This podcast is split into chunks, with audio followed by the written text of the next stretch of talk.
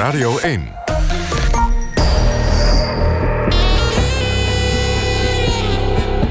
Argos. Onderzoeksjournalistiek van de VARA, Human en de VPRO. Max van Wezel. Goedemiddag, welkom bij Argos, uw onderzoeksprogramma op Radio 1. We zijn er weer. En als u veel belangstelling voor Turkije heeft... Nou, dan komt u helemaal aan lief trekken dit uur. Straks komt Marguerite Kleiweg haar boeken bespreken... en eentje daarvan gaat over de Turkse Gulen-beweging.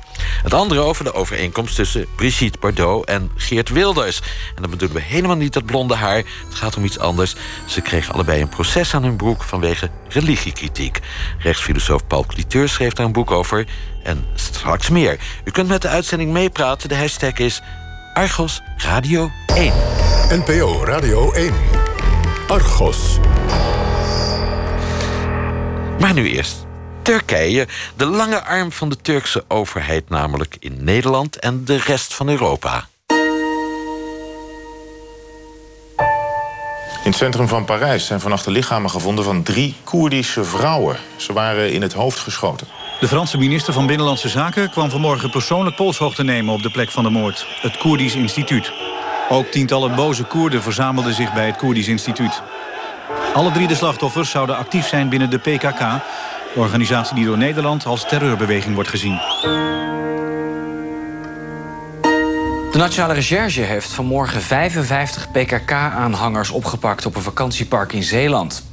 De recherche was door de Algemene Inlichtingen en Veiligheidsdienst ingelicht over de bijeenkomst op dit park.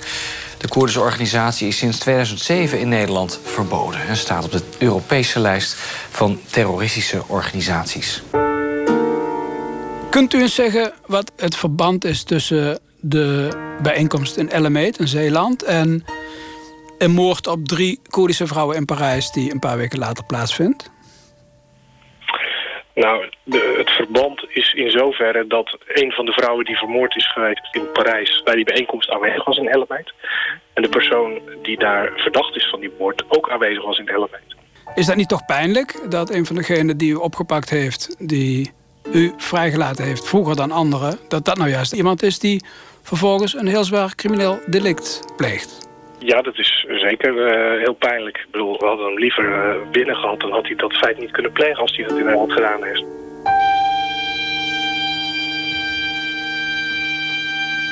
U hoorde fragmenten uit het NOS-journaal en uit Argos zelf.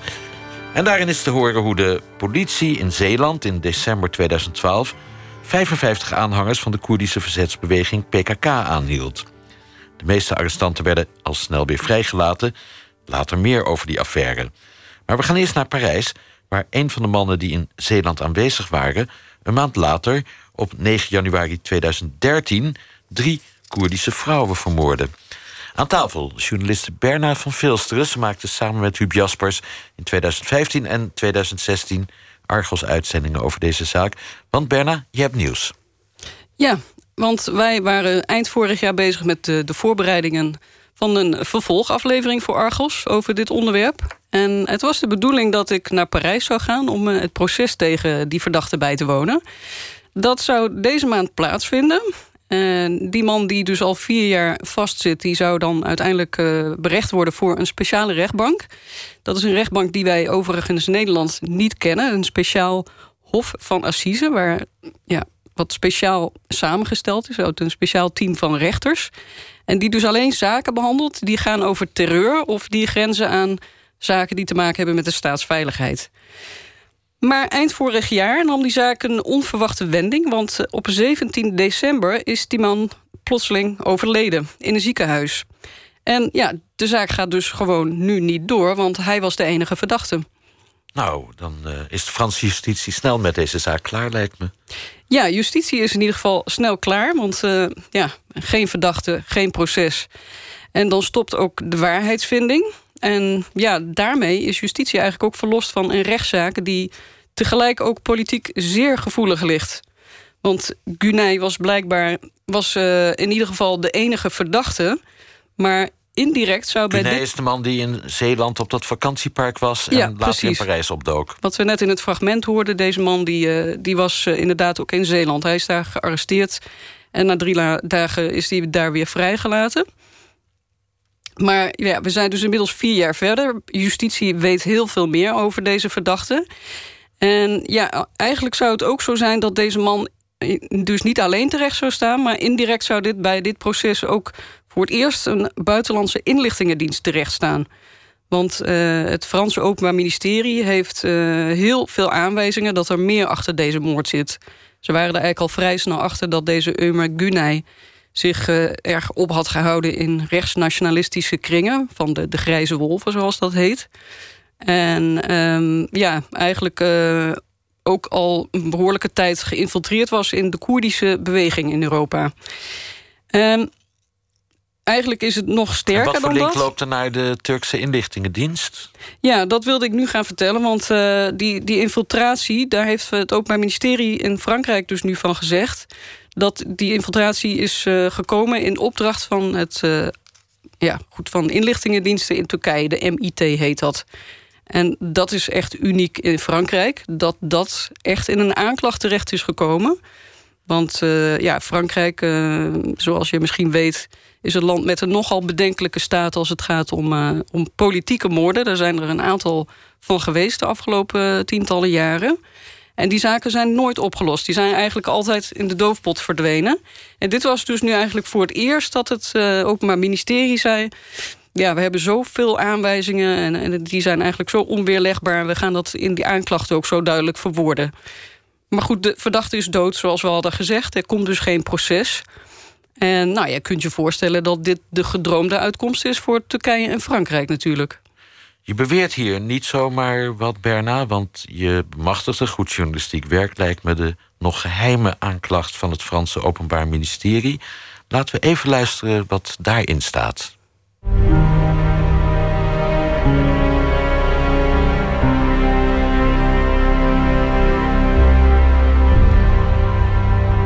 Op basis van het onderzoek kan worden uitgesloten dat het om een interne afrekening binnen de PKK gaat.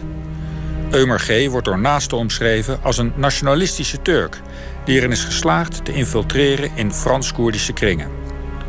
Deze infiltratie had als doel spionage ten gunste van instituties of individuen in Turkije.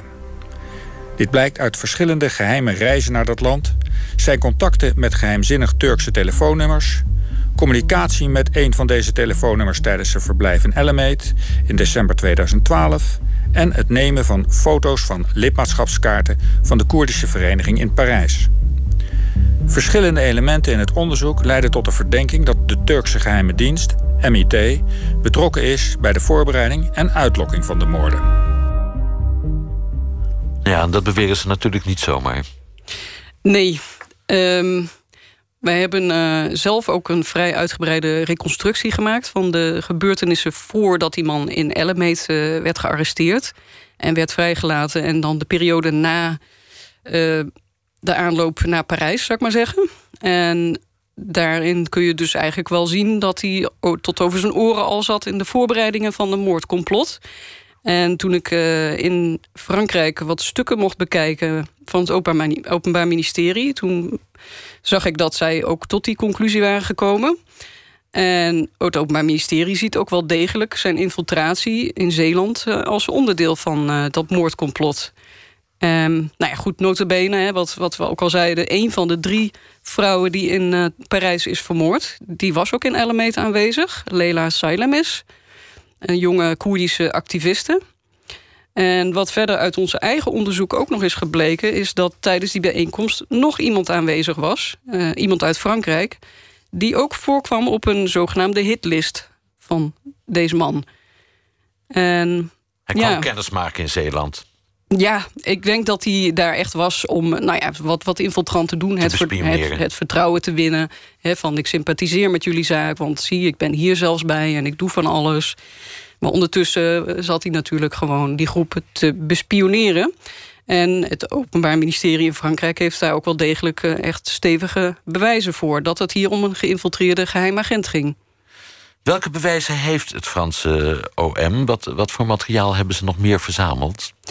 Nou, een, vrij opmerkelijk bewijs, en, ook wel een heel hard bewijs... is een, uh, een audiofragment. Dat is door een uh, nog onbekende in januari 2014 op YouTube gezet. Uh, je hoort in dat fragment drie mensen een gesprek voeren. En een van die mensen is Ömer Güney. En de twee andere mannen, dat zijn vermoedelijke agenten van die Turkse geheime dienst. Wij hebben dat gesprek vertaald. Uh, ja, laten we eerst even luisteren naar een stukje. Bij dit soort operaties, ook al heb je het beste wapen, kan het altijd gebeuren dat het wapen hapert. En daarom heb je een tweede wapen nodig. Ik wil een geluidsdemper, drie magazijnen, vijf dozen kogels van 9 mm. Dit heb ik nodig voor de aanslag die ik ga uitvoeren. Oké. Zal ik jullie mijn plan uitleggen? Doe maar. Deze mensen moeten uit de weg geruimd worden. Maar hoe ga je dat dan doen dan? Ik heb een plan gemaakt toen ik er naartoe ging. Ik heb die drie mensen intensief gevolgd. Heb je ook gekeken naar de vluchtroutes? Daar heb ik naar gekeken. Als Nedim de vereniging uitloopt, dan zal ik hem opwachten bij deze kleine steeg. Er is een ondergrondse parkeerplaats. Als het moet, kan ik hem daar opwachten in mijn auto. En verderop zal er een motor met helm zijn om te kunnen ontsnappen. Ummer, luister. Weet je waarom wij dit aan jou vragen? Natuurlijk.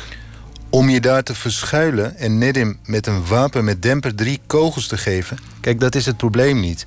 Wat het belangrijkste is dat je er vandoor gaat en niet opgepakt wordt. Klopt. Ik vraag aan jou, wat is de afstand? Wie komt er en wie gaat er weg? Hoeveel meter is het van hier naar daar? En hoeveel minuten kun jij daar naartoe? Heb je dat allemaal wel doordacht? Is er bijvoorbeeld veel verkeer in die straat? Ja. Dit zijn echt belangrijke dingen. Ik ken de omgeving goed. Ik kan geruisloos de vereniging inkomen. Maar als ze op camera zien waar jij je auto achterlaat... Nee, nee, daar is geen camera. Heb je dat wel verkend? Alleen bij de ingang is een camera. De auto zal een gestolen auto zijn. In de auto zal een set met andere kleren liggen. Ga je handschoenen gebruiken? Jazeker. Er mogen geen vingerafdrukken op het wapen zijn... en de kogels in het magazijn zal ik... Ze zullen wel ballistisch onderzoek doen, hè? Autopsie verrichten, dus denk daaraan. Zeker gaan ze dat doen. Hoe weet jij zeker dat de wapens die je gebruikt niet eerder zijn gebruikt? Ik krijg een nieuw wapen direct uit de verpakking. Bij alles wat je gaat doen, moet je goed nadenken. Alles checken. Doe het goed, hè? En laten we later over het hele plan weer contact hebben en het punt voor punt nalopen. We mogen geen fout maken. Maak je geen zorgen. Laten we het opnieuw coördineren. Nummer 1 is Nedim Sever. Hij zeker. En wie wordt dan nummer 2? 2 is Siar. Siar, oké. Daarna moet Soro aan de beurt komen. Dat is makkelijk. En op plaats 4 komt Remzi Kartal. Nou, professionals aan het werk. Zoveel mag duidelijk zijn. Nou klinkt dat uh, bijna enorm spannend... maar goed, we horen hier natuurlijk niet de echte stemmen... want het is nagespeeld. Ja. Weet het Franse OM zeker dat dit ging om gesprekken... tussen Ummer Gunne en, en MIT-agenten? Ja, ze hebben dit, uh, dit audiofragment hebben ze wel degelijk uh, goed laten onderzoeken. Toen ik het voor het eerst uh, op internet zag opduiken... toen dacht ik ook van ja, dit is zo bizar dat zo'n bewijsstuk zomaar op internet wordt gezet. Wie zet dat op internet? Wie zet dat op YouTube? Dat is, uh, dat is nooit, uh, hebben ze nooit kunnen achterhalen wie dat heeft gedaan. Maar blijkbaar is het in, in Duitsland op internet gezet. Maar wie en met welke motieven, dat is allemaal gissen. Maar uh, hier heeft dus een, ja, een speciaal forensisch laboratorium naar gekeken. En die hebben geconstateerd dat de stem op die opname... wel degelijk echt overeenkomt met ja, de echte stem van deze man. En ook heel veel Koerden, want er zijn natuurlijk veel mensen die hebben hem gekend. Die hebben ook direct laten weten van ja, nou ja dat is onmiskenbaar zijn stemgeluid. Uh, verder kun je natuurlijk nog afvragen of er misschien gerommeld is hè, met, uh, met, met die audio. Nou, dat is ook allemaal gecheckt en dat, dat lijkt niet het geval. Dus ja, het, het is echt een bizar en, en misschien wel uniek bewijsstuk... wat het Openbaar Ministerie daar gewoon bijna in de schoot geworpen kreeg. Nou, Gunnar, vertelde je, is vlak voor de kerst overleden. Uh, het proces zou uh, nu beginnen en is dus afgelast. Wat is er precies met Gunnar gebeurd? Ja, die man die had uh, al een hersentumor op het moment dat hij werd gearresteerd. En ja, hij had ook epileptische aanvallen, gebruikte hij allerlei medicijnen voor. Het leek op dat moment nog niet echt heel erg te zijn. Hij kon er nog fatsoenlijk mee leven, zou ik maar zeggen. Maar ja, het, is toch blijkbaar tijdens zijn uh, gevangenschap uh, erger geworden... en sneller erger geworden. En dat was aanvankelijk niet voorspeld. Want ik heb nog gezien in Franse documenten... dat artsen spraken over een langzaam groeiende tumor. Maar die zou hem uiteindelijk wel fataal gaan worden. Ehm, wat ook wel interessant is, denk ik, is ja, dat, dat die man die hersentumor had... dat dat heel goed ook de reden kan zijn geweest... dat hij gerecruiteerd is door de geheime dienst om dit werk te doen... en dat hij het om die reden ook geaccepteerd heeft. Ja, want zonder in complotten te geloven... Uh, het doet me ontzettend denken aan de moord op John F. Kennedy in de tijd... waar de moordenaar Lee Harvey Oswald vervolgens werd opgeruimd... door Jack Ruby, die aan ongeneeslijke kanker leed... Ja. en daarom was gerecruiteerd om dit karweitje te klaren. Ja, precies, want je hebt niks te verliezen... en je kunt toch nog een goede daad stellen. Dus dat, uh, dat lijkt hier ook wel een beetje aan de hand te zijn. En wat natuurlijk ook helpt, uh, zo'n ziekte bij je infiltratie. Want je bent een beetje zielig. En dat hebben Koerden in, in Parijs ook verklaard. Ja, dat ze hem een beetje zielig vonden. En ja, dan word je al snel een beetje aan de, aan de borst geklemd, zou ik maar zeggen. In ieder geval ja, hij heeft het gebruikt echt in zijn verhaal, in zijn dekmantel. Um, nou ja, goed, je kan je voorstellen dat die man die dus nu dood is... dat de advocaten en nabestaanden hier woedend over zijn... Um, ja, ze hebben ook al in een gezamenlijke verklaring laten weten... dat uh, Frankrijk er wederom niet in is geslaagd... om een politieke moord op te lossen. De waarheid gaat mee het graf in. En ja, dat, je kunt je voorstellen dat dat voor de nabestaanden natuurlijk best zwaar is. Want die hebben vier jaar na dit proces toegeleefd... en uiteindelijk wordt er niemand voor veroordeeld. Je hebt over die situatie in Frankrijk gesproken... met de advocaat van een aantal van de nabestaanden, Jean-Louis Malter... Uh, even luisteren wat hij daarover te zeggen heeft. Depuis qu'il est rentré en détention, on savait qu'il avait une tumeur, une tumeur qui était euh, très mal placée, qui était frontale, qui était difficilement opérable. Toen hij gevangen werd gezet, had hij een frontale hersentumor die moeilijk te opereren was. We wisten dan ook dat de mogelijkheid bestond dat hij zou overlijden. Maar het was niet duidelijk hoe snel. Gedurende zijn gevangenschap is hij vaak in het ziekenhuis opgenomen. De onderzoeksrechter heeft het onderzoek in de zomer van 2015 afgerond en doorgestuurd naar het Openbaar Ministerie. Het is moeilijk te begrijpen dat een procesdatum dan nog 18 maanden op zich laat wachten. Het Hof van Assise in Frankrijk is zeer druk en niet goed georganiseerd. Er zijn te weinig rechters. Vertraging is normaal. Maar het parket, de minister van Justitie, de onderzoeksrechter, iedereen was doordrongen van deze situatie. Dans un premier temps, il était prévu que le, le procès se déroulerait euh, début décembre, euh, du 5 au 16 décembre. Het proces zou aanvankelijk in december 2016 plaatsvinden, gedurende een periode van 10 dagen. De advocaten van de verdachte hebben bij de rechter om uitstel gevraagd om het proces over een langere periode te kunnen uitsmeren. Dit zou de verdachte in staat stellen om meer pauzes te nemen. Hij liep moeilijk en werd snel moe. Hij had overigens geen verstandelijke problemen, zeker niet. Vervolgens is er een periode van drie weken in januari en februari geprikt. Die werd verlengd met nog eens twee weken, totdat we begrepen dat er helemaal geen proces zou komen. Gelet op de aard van het proces en de gezondheid van de verdachte was een snelle zitting echt noodzakelijk geweest. En wat betekent dat nu voor de waarheidsvinding? L'action pénale est éteinte simplement à l'égard de, de Gunay. Les poursuites s'éteignent avec euh, la mort de, de, de la personne qui est soupçonnée. Het strafproces tegen Gunay houdt hiermee op. Ieder strafproces wordt beëindigd als de verdachte overlijdt. Voor de nabestaanden en de Koerdische gemeenschap is dit een ramp. Zij rekenden heel erg op het proces. Dit is een grote teleurstelling. Bien sûr, on peut tout à fait imaginer que ça arrange beaucoup de monde, oui. U kunt zich voorstellen dat dit veel mensen bijzonder goed uitkomt. Na de moorden zijn er van officiële zijde verschillende steunbetuigingen geweest richting de nabestaanden. De waarheid moest aan het licht komen. Bij die steunbetuigingen is het helaas gebleven. De staat heeft alle mogelijkheden afgesneden om het onderzoek naar een hoger plan te tillen.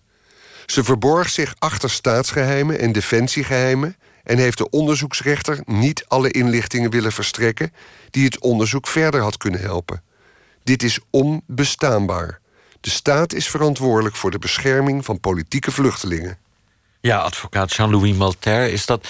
Ja, hij suggereert nog net niet dat de Franse justitie het met opzet gerekt heeft, zodat er nooit een echt proces zou komen. Maar hij betreurt op zijn minst dat ze zo langzaam geopereerd hebben. Ja, dat betreurt hij zeker. Omdat iedereen hier ook echt heel erg vaak voor heeft gewaarschuwd. Die man was ziek. hou er rekening mee dat uh, als we het proces te lang uitstellen... dat het mogelijk uh, helemaal geen proces gaat komen. Dus ja, ik snap zijn boosheid en frustratie wel. Gesteld dat uh, de Turkse geheime dienst MIT er inderdaad achter heeft gezeten... had Turkije er belang bij om die drie vrouwen in Parijs uit de weg te ruimen? Ja, met Turkije hamert er eigenlijk al, al jaren op... dat Europa PKK-activisme moet aanpakken... maar ook dat ze kopstukken van de Koerdische beweging arresteert... en het liefst ook nog eens een keer uitlevert. Dat uh, zijn we zelf tegengekomen in documenten van Wikileaks... Maar Erdogan, president Erdogan, maakte ook in het openbaar van zijn hart geen, uh, geen moorkuil. Want Frankrijk kreeg nog een flinke veeg uit de pan in de maanden voordat deze drie vrouwen werden vermoord. Dat ze te weinig tegen Koerdische activisten deden. Ja, precies. Ja. En, en die Sakine Janssens was iemand die wel vrij hoog op de lijstjes uh, stond. Hij was daar behoorlijk gefrustreerd over omdat een eerdere arrestatie in Duitsland... met een bijbehorend eh, uitleveringsverzoek tegen de Sakine Jansis... In, in 2007 al op niks was uitgelopen. En ja, die Sakine Jansis die, die, die staat zo hoog op die lijstjes van Turkije... omdat ze een vrij historische figuur is binnen de PKK. Ze was zelfs een van de oprichters... En daarnaast ook een, uh, ja, een fervent voorvechter van de, de vrouwenrechten.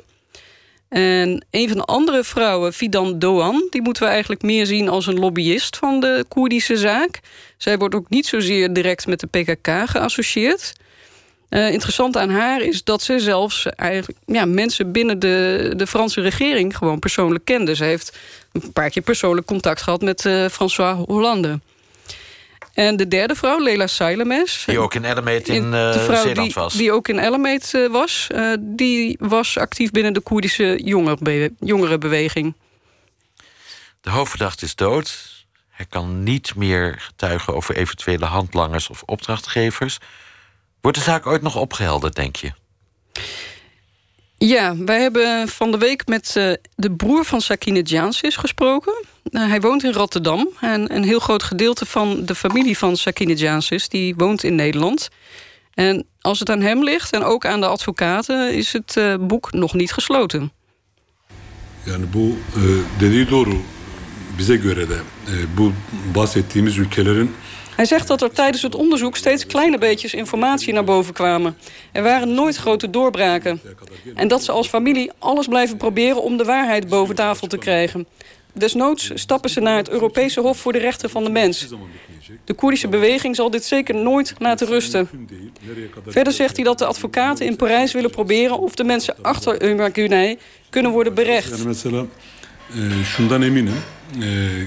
Özellikle Kürtler want vanaf het begin was immers duidelijk dat Turkije de dader is. De verdachte komt uit Turkije. Zijn relaties met de MIT zijn heel duidelijk geworden. De kans was groter dat Turkije niet zou meewerken. Maar Frankrijk had op zijn minst de relaties van die man in Frankrijk kunnen onderzoeken.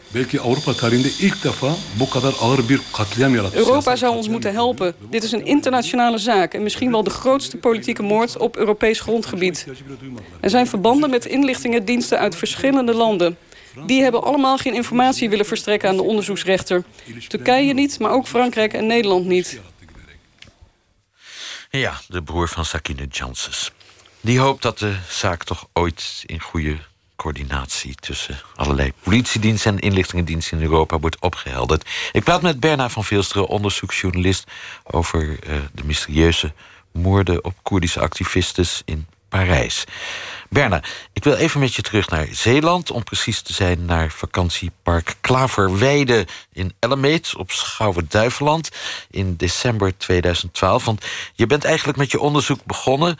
Uh, naar aanleiding van die politieinval daar. Ja. Wat voor aanleiding had de politie om daar binnen te vallen?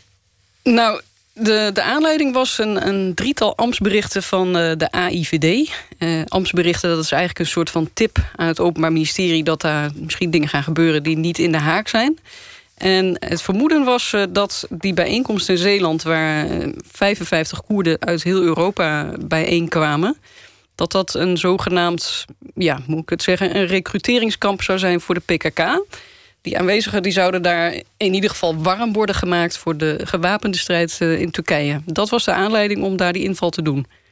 En we beschouwen, geloof ik, de PKK officieel als terroristische organisatie. Hoewel ze ons ook weer helpen bij de strijd tegen ISIS. En ja, het is altijd een beetje dubbel. Ja. Wat gebeurde er met die arrestanten? Ze zijn alle 55 gearresteerd toen? Ja, ze zijn alle 55 opgepakt. Het was uh, een behoorlijk grote politieoperatie. 150 man uh, nationale recherche en uh, nog andere diensten. En ja, wij, wij vonden dat een, een, behoorlijk opvallende zaak voor Nederlandse begrippen. Want hier wordt eigenlijk nooit zo heel hard opgetreden tegen de PKK. En, en wat er vooral zo opvallend aan was... is dat het grote contrast met die grootscheepse politie-inzet de, ja, de vrij lange stilte is die er vervolgens uh, volgt bij justitie. De hele tijd gebeurt er eigenlijk helemaal niks rondom dit dossier. Ik heb verschillende malen zelf ook met de advocaten hier in Nederland contact gehad. En ja, die gaf mij iedere keer van... ja, wij weten het ook niet. We weten zelfs nog niet eens waar deze mensen nou precies van worden gedacht. Dat heeft allemaal heel erg uh, lang geduurd. Je sprak met een van die advocaten, Mark Wijngaarden. Is er nu al een datum geprikt voor een uh, zitting? Er is nu een datum geprikt voor een regiezitting uh, van de rechtbank. Die zal in juni van dit jaar plaatsvinden.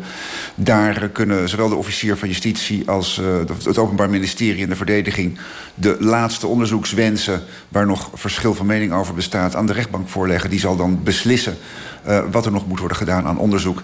En de planning is dat de zaak dan inhoudelijk door de rechtbank in oktober of november 2017 wordt behandeld. En dat is bijna op een paar dagen na, vijf jaar na de inval. En wat is nou de afgelopen twee jaar nog gebeurd? De afgelopen twee jaar is er niet echt veel gebeurd. Er is geprobeerd om uh, getuigen te horen in Frankrijk, België, Duitsland, Zweden. Dat heeft geresulteerd dat er één getuige in Zweden is gehoord. Verder is er nog één getuige in Frankrijk gehoord. De rest van de getuigen wilde niet meewerken of wonen niet meer op het destijds bekende adres. Wat er ook nog is gebeurd, is dat met name over de vraag of er wel sprake is van een gewapende strijd waaraan werd deelgenomen of terrorisme is aan twee deskundigen, Joost Jongerde van de Universiteit Wageningen en professor Erik Zurger van, ik meen, Universiteit Leiden, gevraagd om een deskundige rapport op te stellen om een tiental vragen daarover van de, de verdediging en ook uiteindelijk van het Openbaar Ministerie te beantwoorden. Dat rapport, dat is er nu, dat is vrij duidelijk. Was niet zo heel gunstig voor het Openbaar Ministerie en voor de telastenlegging. Ja, want in welke zin was het voor het Openbaar Ministerie dan niet gunstig, die conclusies die Jongerden en Zuur getrokken? Nou, een van de conclusies van het Openbaar Ministerie is dat als je sympathisant bent van Abdullah Öcalan, dat je dan dus onderdeel bent van de PKK. En daar hebben de deskundigen een aanmerkelijk genuanceerder oordeel over. En ja, dat raakt toch wel een beetje een van de fundamenten van de beschuldiging dat onze cliënten lid waren van een terroristische organisatie. Het klinkt dus een beetje alsof in de afgelopen twee jaar het Openbaar Ministerie nog steeds niet echt in staat is geweest om hier nu een stevige zaak op te bouwen. Ja, dat, wij vonden het in het begin al geen stevige zaak. En het is alleen maar een zwakkere zaak uh, geworden wat ons betreft. Een van de dingen die ook opvalt is dat de verschuldiging oproepen voor de gewapende strijd... is gebaseerd op het feit dat tijdens die bijeenkomst in Ellemeet... het woord strijd regelmatig wordt genoemd. Maar als je kijkt naar de context en ook het verslag van de deskundige... strijd betekent van alles. Dat gaat over, niet alleen over gewapende strijd... maar ook over sociale strijd, culturele strijd, een innerlijke strijd. En in die betekenis is het woord strijd eigenlijk allemaal wel gebruikt. En dat zaagt natuurlijk flink aan de poten van de beschuldigingen... dat je iemand hebt opgeroepen voor de gewapende strijd. Want daar wil het Openbaar Ministerie toch nog steeds naartoe, naar die beschuldiging? Volgens de voorlopige telastenlegging wel. Ja. Komt het vaker voor dat een zaak zo lang aansleept... terwijl eigenlijk zo weinig gebeurt? Nee, dit is uitzonderlijk. Vooral uitzonderlijk ook omdat de verdediging meermalen heeft aangedrongen op haast... en op meer spoed in deze zaak. En eigenlijk alle vertraging is gekomen... omdat het Openbaar Ministerie erg veel tijd nam om telkens overal op te reageren. De indruk wordt gewekt dat het Openbaar Ministerie helemaal geen trek heeft in deze zaak. Maar als ze op de zitting staan, dan gaan ze er heel enthousiast tegen. Dus dat is een beetje met elkaar in tegenspraak. Maar als je kijkt naar de opstelling over die vijf jaar... is mijn indruk toch dat het Openbaar Ministerie niet zo'n trek had en heeft in deze zaak. Advocaat Mark Wijngaarden was dat. Ja, je hebt dat wel eens als justitieapparaat natuurlijk... dat je van 55 mensen vier verdenkt... maar dat is dan moeilijk te bewijzen. Dus wordt de rechtszaak steeds uitgesteld. En één man verdachte ze helemaal niet... dus die mocht gewoon uh, vrijuit weglopen. En ja, die pleegt dan een paar weken later een moord in Parijs. Guné. Wist Nederland niet wie Guné was? Nee, wij hebben daar in ieder geval geen enkele aanwijzing voor gevonden... dat Nederland op dat moment al wist dat er een luchtje aan deze meneer zat... Maar het gekke is wel dat ons Openbaar Ministerie... als je ze expliciet ernaar vraagt, ook zegt... Uh, dat die zaken voor hen niks met elkaar te maken hebben. En dat ze de man natuurlijk, als ze het hadden geweten... gewoon hadden vastgezet. En dat geloof ik natuurlijk ook wel. Maar ik ben in Parijs geweest en ik heb daar stukken van het Openbaar Ministerie gezien... die uit Nederland komen. En die stukken die zijn wel degelijk een belangrijk bewijsstuk geweest of die zouden een belangrijk bewijsstuk vormen in die, in, in, uh, in die rechtszaak in Parijs. En waar gaat dat om? Wat is dat voor bewijsstuk? Nou, het gaat eigenlijk met name om een foto die Nederland heeft verstrekt van de telefoon van die man. Uh, daar bleek uh, toen bij de inval hebben ze natuurlijk heel veel telefoons in beslag genomen. En daar zat die telefoon van deze meneer Eumer Gunay ook bij. Er zat geen simkaart in. En uh, Nederland heeft dat dus naar Parijs gestuurd. En daar hebben ze wel kunnen achterhalen... met welke simkaarten die telefoon contact heeft gehad. En daar bleken dus, uh, nou ja, bij een van die simkaarten in elk geval...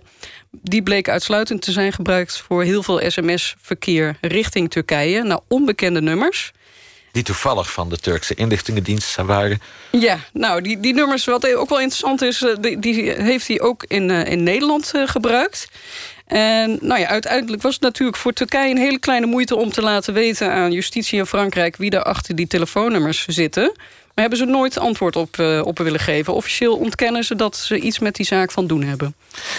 Nederland werkt dus samen met de Turkse overheid om de PKK te bestrijden, althans in de gaten te houden.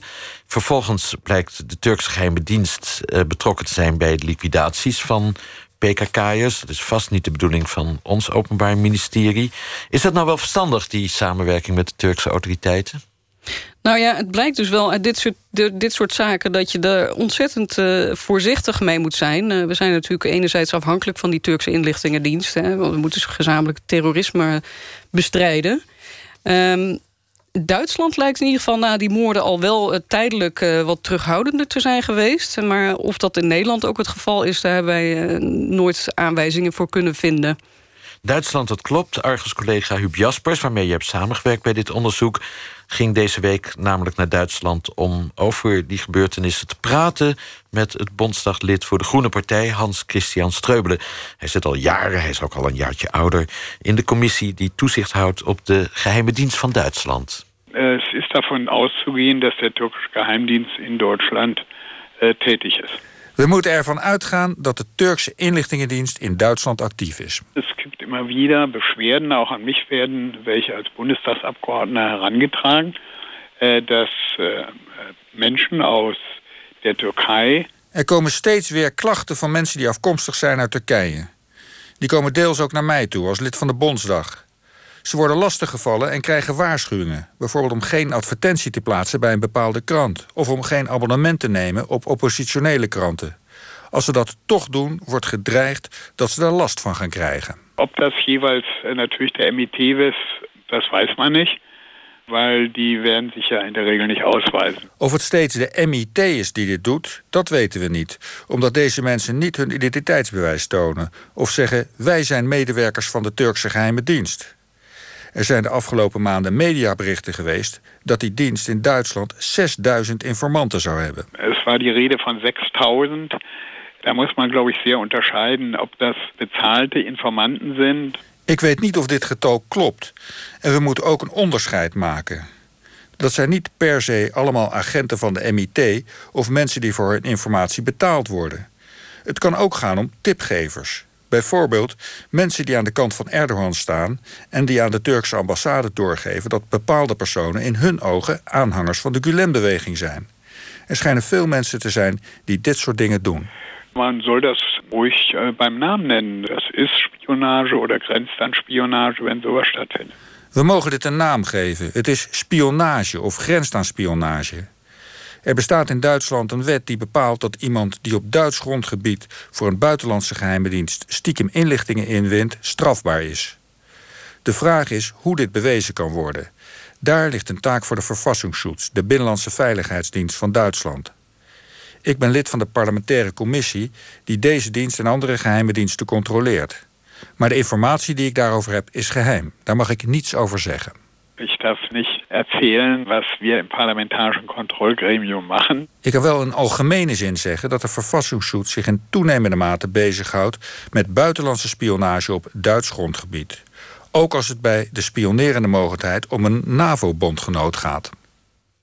Hans-Christian Streubele, uh, veteraan van de Groene Partij in de Duitse Bondsdag. Ik heb hem ook wel eens ontmoet, een man met prachtig grijs hippie haar. Werna, even alles op een rijtje zetten wat we nu hebben doorgenomen. Ömer Güney infiltreerde, waarschijnlijk een opdracht van de Turkse geheime dienst... in elk geval denken de Franse autoriteiten dat... bij de PKK was in die rol ook aanwezig in dat vakantiepark in Zeeland... om mensen te bespioneren en voor zich in te nemen. Streubele zegt, in Duitsland zou dat een strafbaar feit zijn.